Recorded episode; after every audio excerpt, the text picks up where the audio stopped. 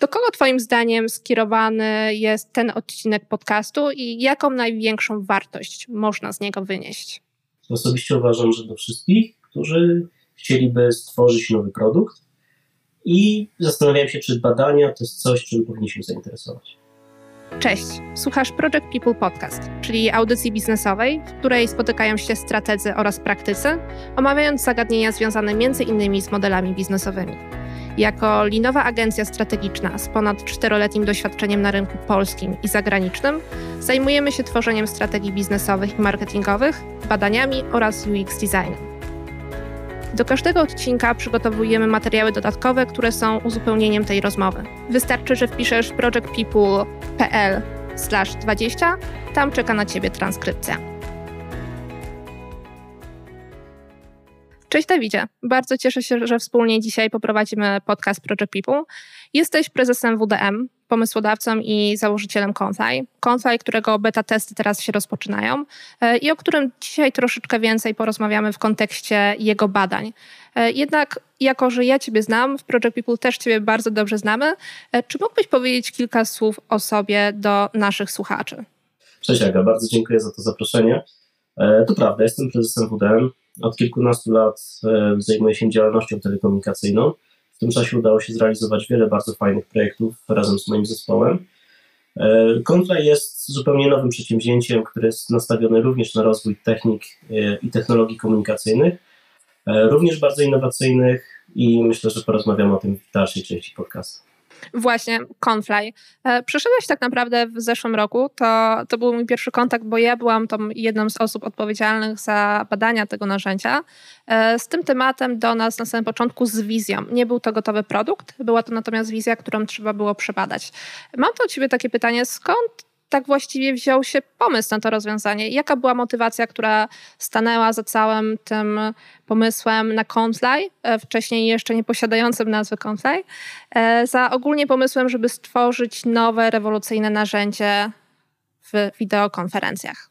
No, tak jak powiedziałem wcześniej, e, pomysł wynika z mojego backgroundu telekomunikacyjnego. On powstał wiele wcześniej, jeszcze przed okresem covidowym czyli przed 2020 rokiem. Sam projekt zaczął się dużo wcześniej, kiedy ja obserwowałem niedoskonałość różnych narzędzi e, na rynku telekomunikacyjnym, zwłaszcza w zakresie telekonferencji, które dzisiaj zostały oczywiście w dużej mierze wyparte przez rozwiązania e, wideokonferencyjne właśnie w tym segmencie, w którym działa Confine. Natomiast faktycznie to wszystko zaczęło się od kwestii łączności, kwestii porozumiewania się w ramach firm, w ramach tworzenia połączeń konferencyjnych i zastanawiałem się, jak usprawnić ten proces, e, żeby ludzie mogli się e, w jak najbardziej efektywny sposób łączyć ze sobą, spędzać ten czas i e, planować, działać wspólnie razem.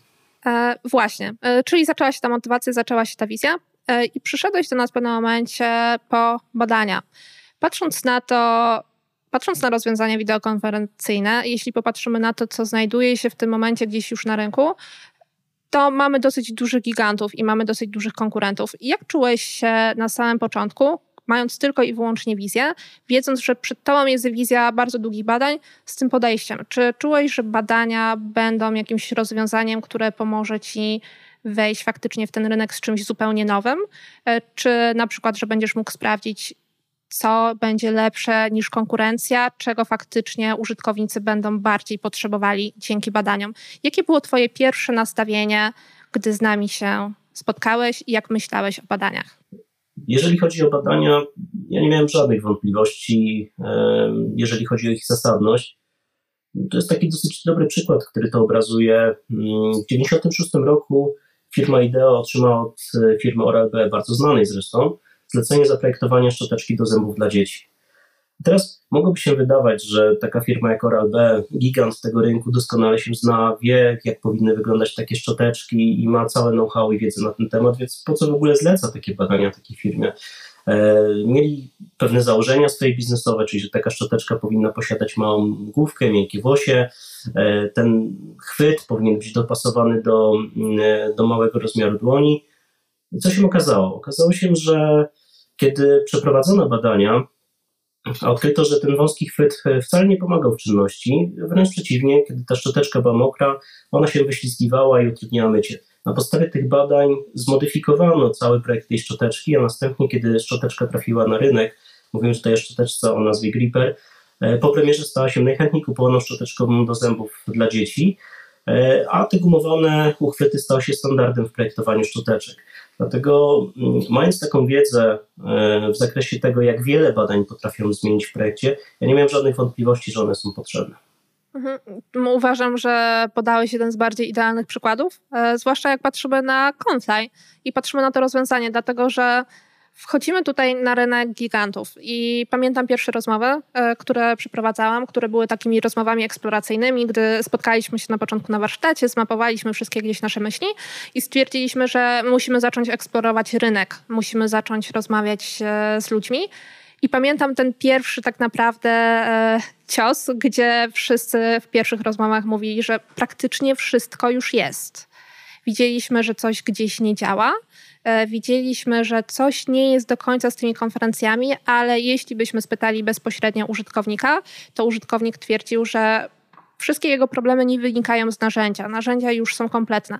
Dopiero później, gdy zaczęliśmy tak bardzo, bardzo drążyć i próbować wchodzić w wszystkie inne różne metody badawcze, podchodzić do tego czasami od tyłu, że nie, nie skupialiśmy się na tym, co użytkownik powiedział, ale na tym, co użytkownik faktycznie chce, nawet jeśli jemu się wydaje, że to nie jest związane z narzędziem, to czułam, że to był taki moment, który który był tym przełomem, o którym ty przed chwilą powiedziałeś w kontekście gdzieś szczoteczki, tak naprawdę, że to był ten moment, który był przełomowy tutaj w badaniach, e, że nawet jeśli byśmy tylko porozmawiali i zrobili taki gdzieś krótszy wywiad, nie uzyskalibyśmy nic, ale przez to, że przeprowadziliśmy badania, przeszliśmy przez naprawdę ogrom masy rozmów eksploracyjnych, ankiet, sprawdzania i później beta testów, e, które teraz będą się prowadzić, ale też beta testów, które były na przykład związane z landingiem. Sprawdzania, czy to, co gdzieś zebraliśmy informacje użytkownika, faktycznie jest zwalidowaną hipotezą, to nam pomogło dojść do takiego momentu dla mnie oświecenia, że faktycznie, kurczę, tutaj jest przeogromna luka, która jest teoretycznie mamy narzędzia, ale ta luka w ogóle nie jest zagospodarowana. Czy jak patrzysz na taki proces badawczy, czy był taki któryś dla ciebie moment przełomowy, tak jak dla mnie ten moment, w którym udało się znaleźć tą lukę po rozmowach, że faktycznie jest problem z efektywnością i efektywność jest bardzo mocno związana z narzędziem. Czy był dla Ciebie moment przełomowy, kiedy obserwowałeś cały czas ten proces, bo ten proces był dla Ciebie cały czas otwarty, brałeś też w nim aktywnie udział, e, widziałeś wszystkie badania, widziałeś wszystkie wyniki, konsultowaliśmy się, w którym stwierdziłeś, kurczę, faktycznie tutaj jest coś, gdzie my, my możemy wyjść na rynek i my możemy naprawdę pomóc tym użytkownikom, bo ci użytkownicy tego potrzebują, a żaden z konkurentów tego nie robi. Tak, to znaczy ja na początku chciałbym zaznaczyć, że nie ma produktów doskonałych. Taki produkt nie istnieje i wyjście z założenia, że wszystko już jest na rynku, wszystkie rozwiązania e, są i one spełniają każdą możliwą potrzebę, to się nie dzieje, bo gdybyśmy mieli takie założenie, to nie mógłby powstać żaden nowy produkt na rynku, nie, dało, nie dałoby się zrealizować niczego nowego. Więc wyjście z założenia, że wszystko zostało już wymyślone, to jest, to jest błędne założenie. A badania same w sobie, tak jak słusznie zauważyłaś, mają nam e, odpowiedzieć, zweryfikować e, hipotezy, które postawiliśmy, czy one są słuszne, czy powinniśmy je gdzieś dokonać, zmienić, e, może całkowicie zrewidować całe nasze podejście. E, poza tym każdy produkt też jest w jakiś sposób projektowany pod określone potrzeby.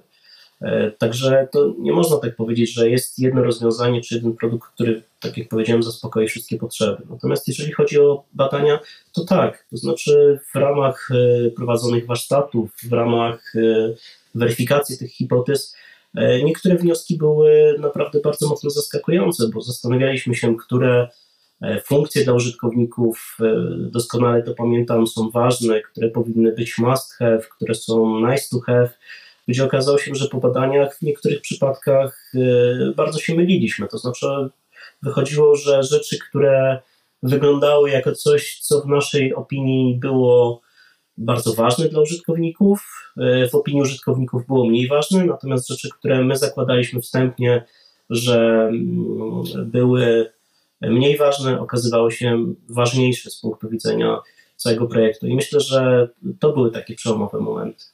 Mhm, pamiętam te momenty. Mam wrażenie, że to było, to było bardzo dobre doświadczenie, że one pojawiły się w paru paru sytuacjach, bo to pojawiło się zarówno na samym początku. E, myślę, że to jest ten moment, o którym też wspomniałeś, gdzie tak naprawdę zmapowaliśmy na samym początku, które funkcje będą najważniejsze, czy wideokonferencja, czy ta, czat tak. Tak po prostu priorytetyzowaliśmy je i już gdzieś w pierwszych rozmowach, badaniu okazało się, że troszeczkę to jednak się pozmieniało, ale co było bardzo istotne, to było badane później przez cały okres. I teraz nawet jeśli mówimy o testach, które były związane, badania, które były związane z marketingiem, z tym jak też wyjść na rynek, też te badania się pojawiały w kontekście zobaczenia, które funkcjonalności będą najważniejsze, żeby wdrażać je na samym początku do rozwiązania, żeby one pojawiły się już w tej pierwszej wersji, które będą wdrażane później, co jest taki must have dla użytkowników, żeby ich wideokonferencja była super efektywna to układanie tych badań, tej priorytetyzacji, co użytkownik uważa za najważniejsze w tym momencie, cały czas było prowadzone i dzięki temu przynajmniej ja odczuwałam, nie wiem jak ty odczuwałeś, e, że mieliśmy takie bieżące informacje, że nie wpadamy nigdy w lukę, że nam coś się wydaje, tylko cały czas mieliśmy przed sobą tego użytkownika, który no nie bezpośrednio, bo przez narzędzia badawcze mówił nam po prostu i pokazywał palcem, ale ja chcę to, ja chcę to, to będzie działać i faktycznie tutaj jesteście w stanie mi pomóc. Nie wpadliśmy w taki moment, w którym było zagubienie, że nam się wydaje, więc użytkownik też powinien z tego korzystać, co jest dosyć e, trudne do uzyskania. Patrząc na to, że to jest produkt, który powstawał od zera, e, poprzez później oczywiście projektowanie. E, był to dosyć dłuższy proces. I programowanie. Zawsze gdzieś e, w większości produktów wchodzi moment, kiedy zaczynamy zapominać o badaniach. Jednak to, co było moim zdaniem super, chciałabym, żebyś teraz do tego się odniósł. Te badania mam wrażenie, że były na każdym, każdym etapie. I ty też, jako pomysłodawca i właściciel bardzo pilnowałeś, żeby te badania dosłownie na każdym etapie, niezależnie czy badań, czy projektowania, czy później programowania, się w jakiejś formie pojawiały. Zgadza się. To znaczy, możemy powiedzieć, że jest to w pewien sposób e, ciągły proces. Znaczy, dzisiaj projektuje się wszystko, łącznie z doświadczeniem użytkownika. To znaczy, myślę, że osoby, które nie znają tego, czy nie znają tych metodyk, nie mają tego spojrzenia, czasami nawet nie mają świadomości, że kiedy jakaś bardzo duża sieć otwiera sklep, to nawet projektuje właśnie całe to doświadczenie użytkownika, czyli od momentu zaparkowania na parkingu przez y, samą strefę przed tym sklepem, tak, w zakresie jego otwarcia, przez wejście, poruszanie się przez kolejne alejki, ścieżki, y, obszary, to wszystko jest, to wszystko jest zaprojektowane. Firmy zwracają bardzo dużą uwagę do takich szczegółów, bo doskonale wiedzą, że później wpływa to na user experience, na to, jak użytkownik ocenia produkt, jak, jak ocenia dany event, jak ocenia dane rozwiązanie. E, I trzeba pamiętać jedno, że to też jest proces ciągły, tak jak słusznie zauważyłaś, to znaczy, że my e, mamy pewne hipotezy, e, weryfikujemy je na etapach, na kolejnych etapach badań. To jest podkreślam jeszcze raz, to jest też niekończący się proces. To nie jest tak, że możemy spocząć na laurach i powiedzieć, dobrze, wykonaliśmy badania, zweryfikowaliśmy pewne hipotezy. Rynek się zmienia, zmienia się otoczenie konkurencyjne, zmieniają się preferencje odbiorców. To jest proces, który musi być stale kontynuowany i my to cały czas robimy. Dlatego, tak jak powiedziałeś na początku, również weszliśmy do fazy bety, o której dalej porozmawiamy, gdzie nadal zbieramy feedback użytkowników, dalej weryfikujemy, czy mamy rację czy odpowiadamy potrzebom odbiorców, przyszłych użytkowników narzędzia. Także to jest cały czas niekończący się proces. Mhm. Wspomniałeś w pewnym momencie o emocjach. E, coś, co uważam, że zostało tutaj świetnie, z jednej strony przebadane, ale też świetnie zagospodarowane później na e, procesie projektowym i też nawet w myśleniu, gdy było faktycznie już programowanie. E, tworzenie tego bezpośrednio narzędzia, czy wszystkie inne procesy związane z marketingiem i o tym, jak bardzo emocje są tutaj ważne. Chciałam strasznie tutaj z tą się zgodzić. Mam wrażenie, że o ile pojawiają się rozwiązania, które coraz częściej zwracają na to uwagę, firmy coraz bardziej zwracają na to, żeby dać jak najlepsze doświadczenia, to to, co było gdzieś tutaj super i to, co jest tutaj super, że widzę, że to jest bardzo podejście holistyczne. Czyli zarówno w badaniach, jak i w późniejszym procesie, ale zwłaszcza w badaniach, to mapowanie tych emocji odbywało się nie tylko do tego produktu, czyli na przykład do użytkowania, że zaczniemy wideo, wejdziemy w produkt, zaczniemy wideokonferencję i w tym momencie te emocje kończymy ich mapowanie. E, natomiast jest to bardziej holistyczne podejście, czyli zmapowanie zarówno emocji, jak i informacji tego, co działo się przed, czyli na przykład jak użytkownik w ogóle wyszukuje tych produktów i jak my możemy jego doświadczenie wznieść na wyższy poziom, e, dać mu więcej pozytywnych bodźców zarówno przy wyszukiwaniu, przed zapisaniem się, w trakcie użytkowania, co jest oczywiste, ale to, co chyba tutaj też świetnie działa i jest świetnie zmapowane w badaniach, e, to, co dzieje się później, czyli użytkownik z tego produktu wychodzi. Mamy tutaj kwestię supportu, mamy tutaj kwestię e, wszystkich innych czynności, które nie są związane z samym użytkowaniem, natomiast zostały one zagospodarowane zarówno w badaniach, jak i obecnych działaniach badawczych. Jak, e, jakie jest Twoje podejście do tak bardzo holistycznego podejścia badawczego do tego, żeby badać użytkownika w każdym dokładnie aspekcie, nie tylko i wyłącznie tej fazy związanej z użytkowaniem produktu, ale też tego, co się dzieje przed i tego, co się dzieje po. Jeżeli chodzi o moje podejście, to myślę, że już moja poprzednia wypowiedź niejako trochę odpowiada na to pytanie, to znaczy, e, no ono musi być całościowe. Tak? Dziś e, chcąc e, dostosować ten produkt do, do potrzeb odbiorcy, do potrzeb użytkownika, musimy naprawdę bardzo mocno patrzeć holistycznie. I bardzo duże marki również postępują w ten sam sposób. Tak? Tam nie ma przypadków. To jest e, projektowanie, tak jak powiedziałem, wszystkiego na każdym etapie. Nieważne, czy to jest produkt, który wymaga wzornictwa, tam nie ma sytuacji, w których coś może trafić na rynek, gdzie nie zostanie to w jakiś sposób zweryfikowane, ocenione, gdzie użytkownicy nie powiedzą, czy ten kształt na przykład produktu im odpowiada, czy te kolory im odpowiadają. To wszystko ma wywoływać określone emocje i duże marki w ten sposób pracują. Ja pamiętam kiedyś taką anegdotę na temat pewnej firmy, nie wiem, czy tutaj mogę wymieniać, ale pewnie wszyscy ją znają, że oni po prostu nauczyli się sprzedawać emocje. I dla nich to było o tyle istotne, że dzisiaj pewnie gdyby, nie wiem, zaczęli sprzedawać gwoździe, to oni wśród swoich użytkowników też byliby w stanie wywołać emocje, że te gwoździe są, e, są pozytywne, tak? że to są w ogóle najlepsze gwoździe tak, na rynku.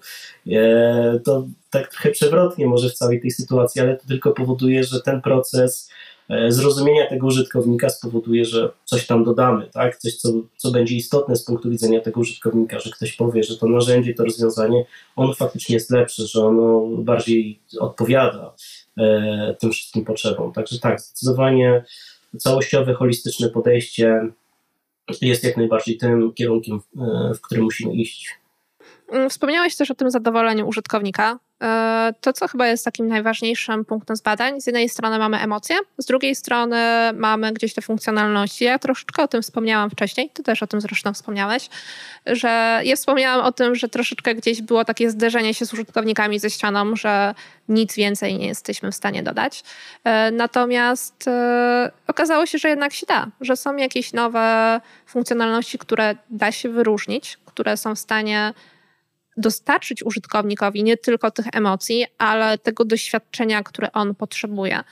I patrząc na cały ten proces badawczy, mm, on nie był takim klasycznym procesem badawczym, gdzie byliśmy w stanie faktycznie e, porozmawiać z użytkownikami, spytać ich, jakie potrzebują funkcje. Oni nam wymienili, tak, potrzebujemy A, B, C, D, więc my spróbujemy wprowadzić A, B, C, D, następnie zobaczymy, czy to dobrze działa. Tylko tutaj było bardzo dużo takich, można powiedzieć, podchwytliwych rozmów, Skorzystaliśmy między innymi z metodologii Jobs to be done, czyli sytuacji, w której zamiast zastanawiać się, kto jest faktycznie bezpośrednio gdzieś naszą personą i jakie na przykład funkcjonalności on potrzebuje, zaczęliśmy zastanawiać się trochę od tyłu, czyli co on musi wykonać, mówiąc stricte po polsku, jaką robotę ma do wykonania e, i co my musimy wtedy dopiero zastanowić się zrobić, żeby pomóc mu tą robotę wykonać. To było takie w pewnym momencie dosyć e, przejście o 180 stopni do nastawienia do badań.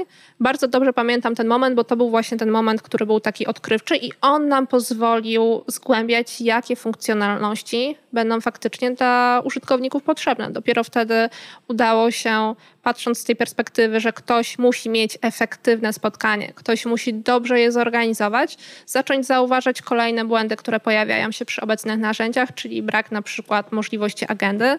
E, przypominam, że to było badanie, które było wykonane w zeszłym roku. Niektóre tam rzeczy rynkowo troszkę się zmieniły, ale w tamtym momencie były braki agendy, był problem z robieniem notatek co był przeogromnym, przeogromnym problemem. I to były obszary, które wraz z innymi obszarami, które można było zacząć dalej eksplorować i dalej można było do nich sprawdzać, jakie funkcjonalności będą dla użytkowników najważniejsze. Czy jest coś, patrząc gdzieś na to podejście, e, takie podejście trochę od tyłu, czyli patrzenie na to, jaki cel musi być wykonany. E, jaką ty masz o tym opinię? E, czy było to coś, co do ciebie przemawiało i też było dla ciebie dosyć odkrywcze? Czy raczej można powiedzieć, że płynąłeś z flow tego badania w pełni zaufaniu? To jest pytanie, na które e, myślę, że odpowiedź jest trochę bardziej skomplikowana. To znaczy, z jednej strony poruszyłeś kwestię pytania użytkowników, czego oni chcą, czego oni oczekują. Ja tutaj posłużę się cytatem z Henry'ego Forda akurat, bo zawsze lubię w takiej sytuacji, że e, kiedy zapytałby klientów, odbiorców, czego chcą, to by powiedzieli, że szybszych koni. Oczywiście chodziło wtedy o wprowadzenie mm, Forda T na rynek, który okazał się bardzo dużym sukcesem. E, więc myślę, że to jest taka pewna analogia, która trochę się do tego odnosi, że nie zawsze wprost użytkownicy, odbiorcy wiedzą, czego chcą. To znaczy, oni mogą powiedzieć e, na podstawie swoich bieżących doświadczeń, porównać z innymi narzędziami, natomiast e, w dużej mierze nie zbuduje nam to innowacji, bo ktoś powie, że w pewnym narzędziu jest pewne rozwiązanie, czy pewna funkcja, tak? I w tym momencie, chcąc, żebyśmy to skopiowali, my nie wznosimy się na coś nowego, na coś innowacyjnego, na pokazanie, że można coś zrobić inaczej. Dopiero wyjście E, z Jobs to be done e, tworzy nam tą ścieżkę, tak? tą możliwość przyjrzenia się temu procesowi, zaobserwowania w jaki sposób użytkownik realizuje jakieś funkcje. I tak jak zwróciłaś uwagę, notatki były takim dobrym przykładem, że bardzo często użytkownicy robią to w zupełnie innych narzędziach. My powiedzieliśmy, ale po co, tak? Przecież możemy to wbudować w narzędzie e, i dostarczyć to wszystko użytkownikowi, że nagle on nie będzie musiał robić notatek w jakichś innych otwartych narzędziach, w innych okienkach, i usprawnimy mu ten proces. Więc e, idąc w ten sposób, my znaleźliśmy rozwiązanie pewnego bardzo konkretnego problemu i go usprawniliśmy. Więc e, jakby odpowiadając na tą część, czy podejście w modelu Jobs to be done versus pytanie użytkownika, czego potrzebuje, gdzie uzyskaliśmy więcej wartościowych odpowiedzi w zakresie innowacji, usprawnienia określonego procesu. W mojej ocenie w Jobs to be done, aczkolwiek Również chciałbym to podkreślić, że w procesie pytania o to, co chcą, czy czego potrzebują użytkownicy, czasami feedback był dla nas zaskakujący, to znaczy on sam w sobie był innowacyjny. Użytkownicy sami nam podsunęli pomysły e, dotyczące funkcji albo modyfikacji działania funkcji, które nie działają w ich ocenie w innych narzędziach e, tak, jak oni by tego oczekiwali. I przedstawili nam swoją perspektywę, w jaki sposób to powinno działać. My też momentami sam widząc niektóre pomysły mówię, faktycznie, tak, no przecież to jest oczywiste, dlaczego nikt inny tego tak do tej pory nie zrobił. I to jest myślę takie dobre podsumowanie Twojego pytania. No, ja w 100% się z Tobą zgadzam, e, zarówno z notatkami, e, o których wspomniałeś, dlatego że no, notatki są prześwietnym przykładem, kiedy, e, tak jak mówisz, po prostu okazało się, że hej, możemy robić to w narzędziu.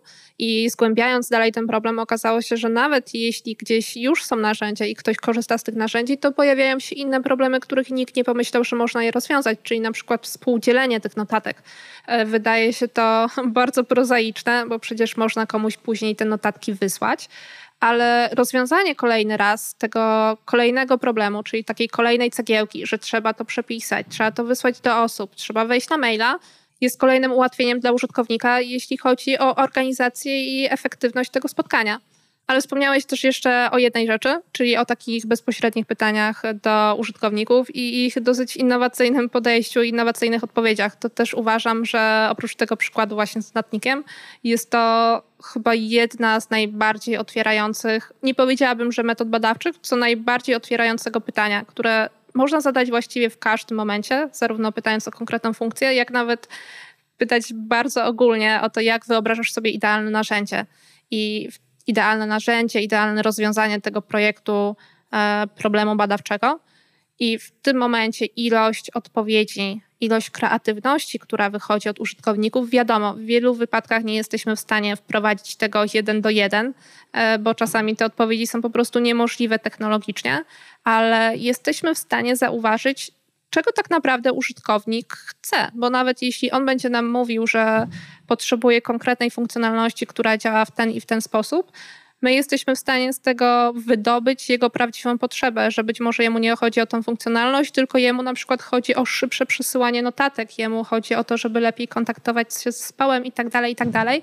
Więc to jest chyba z takich jednych najbardziej odkrywczych e, pytań i się w 100% zgadzam.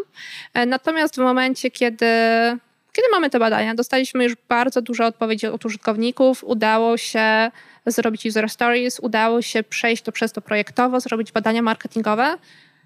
W pewnym momencie zaczyna się start tego produktu. Można tak to nazwać startem produktu, gdzie zaczyna się programowanie, gdzie zaczyna się praktycznie wdrażanie tego wszystkiego. E, I jak wcześniej już wspomniałam, i ty też to potwierdziłeś, to wcale nie był etap, kiedy te badania się skończyły.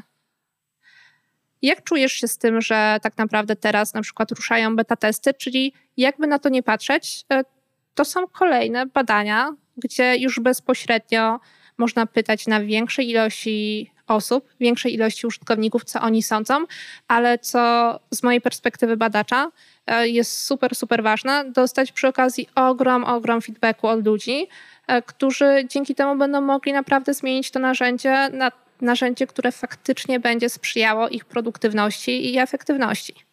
Zgadzam się. Znaczy, z punktu widzenia Onera to jest e, taki wielki moment, kiedy e, produkt zaczyna powoli żyć własnym życiem, trafia e, do, do większego kręgu użytkowników, którzy mogą dokonywać dalszych ocen, dzielić się tym feedbackiem.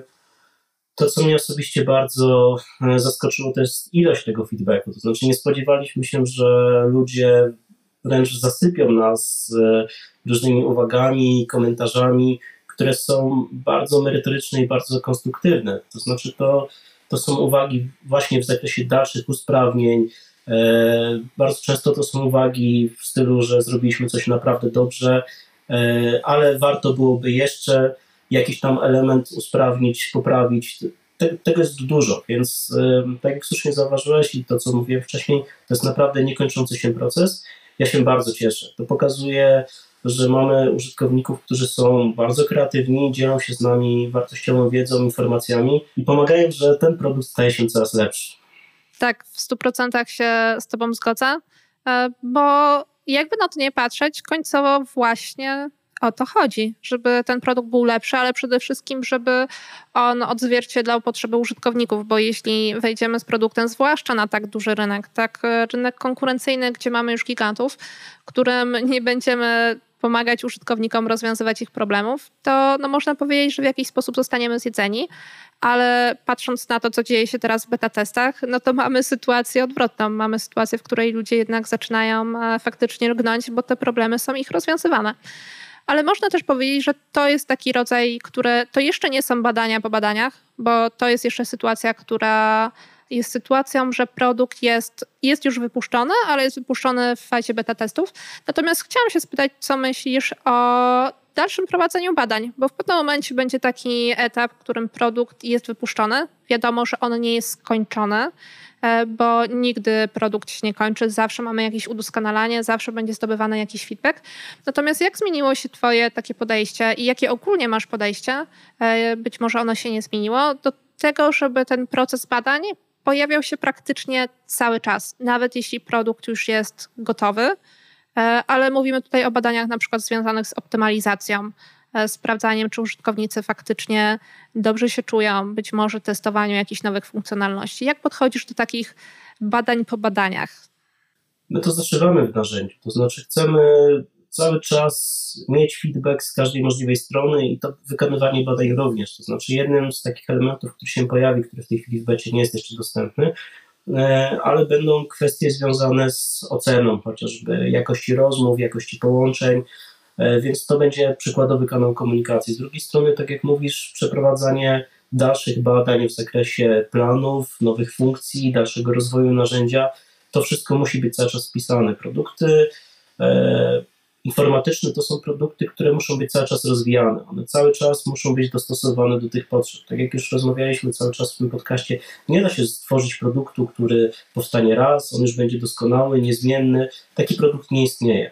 Właśnie dlatego potrzebujemy tych badań, potrzebujemy cały czas tego feedbacku, potrzebujemy tej interakcji, e, tych rozmów z naszymi użytkownikami, żeby wiedzieć, czego oni potrzebują. Zmieniają się również pokolenia, to też weźmy pod uwagę, tak?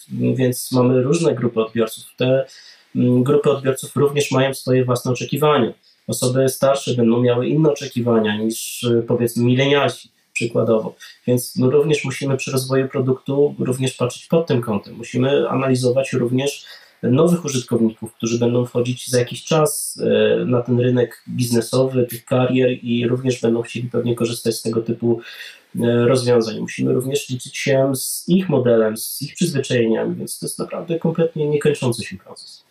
Mhm, nawet nie wiesz, jaki to jest e, ze strony badacza, jaki to jest miód na serce, słyszeć tak bardzo dużą dojrzałość badawczą e, od osoby, która jest założycielem rozwiązania, które czuje, że będzie rozwiązaniem bardzo dużym na rynku. I zresztą jesteś osobą, która ma ogromne doświadczenie e, w tak naprawdę prowadzeniu biznesu, więc to jest e, przeogromna wiedza, którą ty też zresztą masz i super, że widzisz tutaj ten potencjał badań. Chciałam też spytać ciebie, tak troszkę można powiedzieć e, kontrowersyjnie, czy czujesz, że takie badania, które były prowadzone pod kątem Confly, ale też obserwowałeś ten proces, czy myślisz, że wprowadzenie go w inne działania, na przykład w inne działania twojej działalności, już na przykład przez ciebie samego, czy przez e, jakiś wewnętrzny zespół, czy ogólnie przeprowadzenie jakichś badań związanych z nowym produktem. Być może masz jakiś nowy plan na nowy produkt. E, czy będzie faktycznie u Ciebie obecne już teraz po tym roku przygotowania z przez cały czas? Moja ocena jest dosyć krótka, jeżeli chodzi o e, temat badań. Im więcej tych badań jest, im więcej mam obserwacji, tym więcej wniosków, które pokazują, że to jest coś, co po prostu musi być e, stale wpisany w działalność. To e, nie dotyczy tylko Confly'a.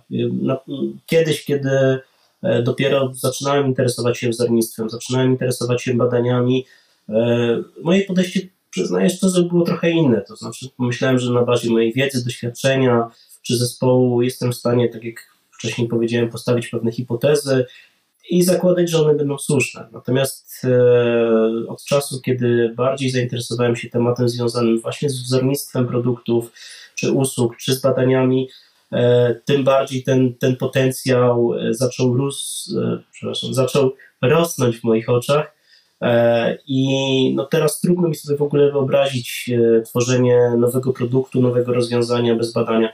To też myślę, że warto to podkreślić, ale e, ma to też inną stronę. Z punktu widzenia ownera, inwestowania pieniędzy również pozwala nam spojrzeć obiektywnie na to, co chcemy zrobić, bo nasze przekonania względem tego, jakie są przekonania rynku, mogą być zupełnie rozbieżne. Może się okazać tak, że będziemy chcieli realizować produkt, który nie zostanie w żaden sposób zweryfikowany, E, zostanie później zweryfikowany przez rynek i zostanie zweryfikowany inaczej niż nam się wydawało, co będzie również powodować na nas bardzo duże koszty. I wtedy na tym etapie dopiero próba zmiany produktu czy rozwiązania, czy jakiejkolwiek tam modyfikacji może być albo bardzo kosztowna, albo, albo już wręcz niemożliwa, bo się okaże, że poświęcimy przykładowo rok pracy czy półtora roku pracy na realizację produktów, które użytkownicy nie będą oceniać tak, jakbyśmy chcieli. I właśnie badania są tym etapem, od którego powinniśmy zacząć. Bardzo z tą się zgadzam, zwłaszcza z tą e, kwestią ograniczenia kosztów i mam wrażenie, że to jest taka, e, można powiedzieć, że jedna z ważniejszych myśli przewodnich. E, zbliżamy się troszeczkę do końca. Chciałam poprosić Cię, że patrząc na naszą rozmowę i Twoje podejście, które, tak jak mówisz, troszeczkę zmieniło się przy badaniach, tak w dwóch, trzech zdaniach, co Twoim zdaniem jest najważniejsze w tym temacie, abyś miał podsumować całą naszą dzisiejszą rozmowę?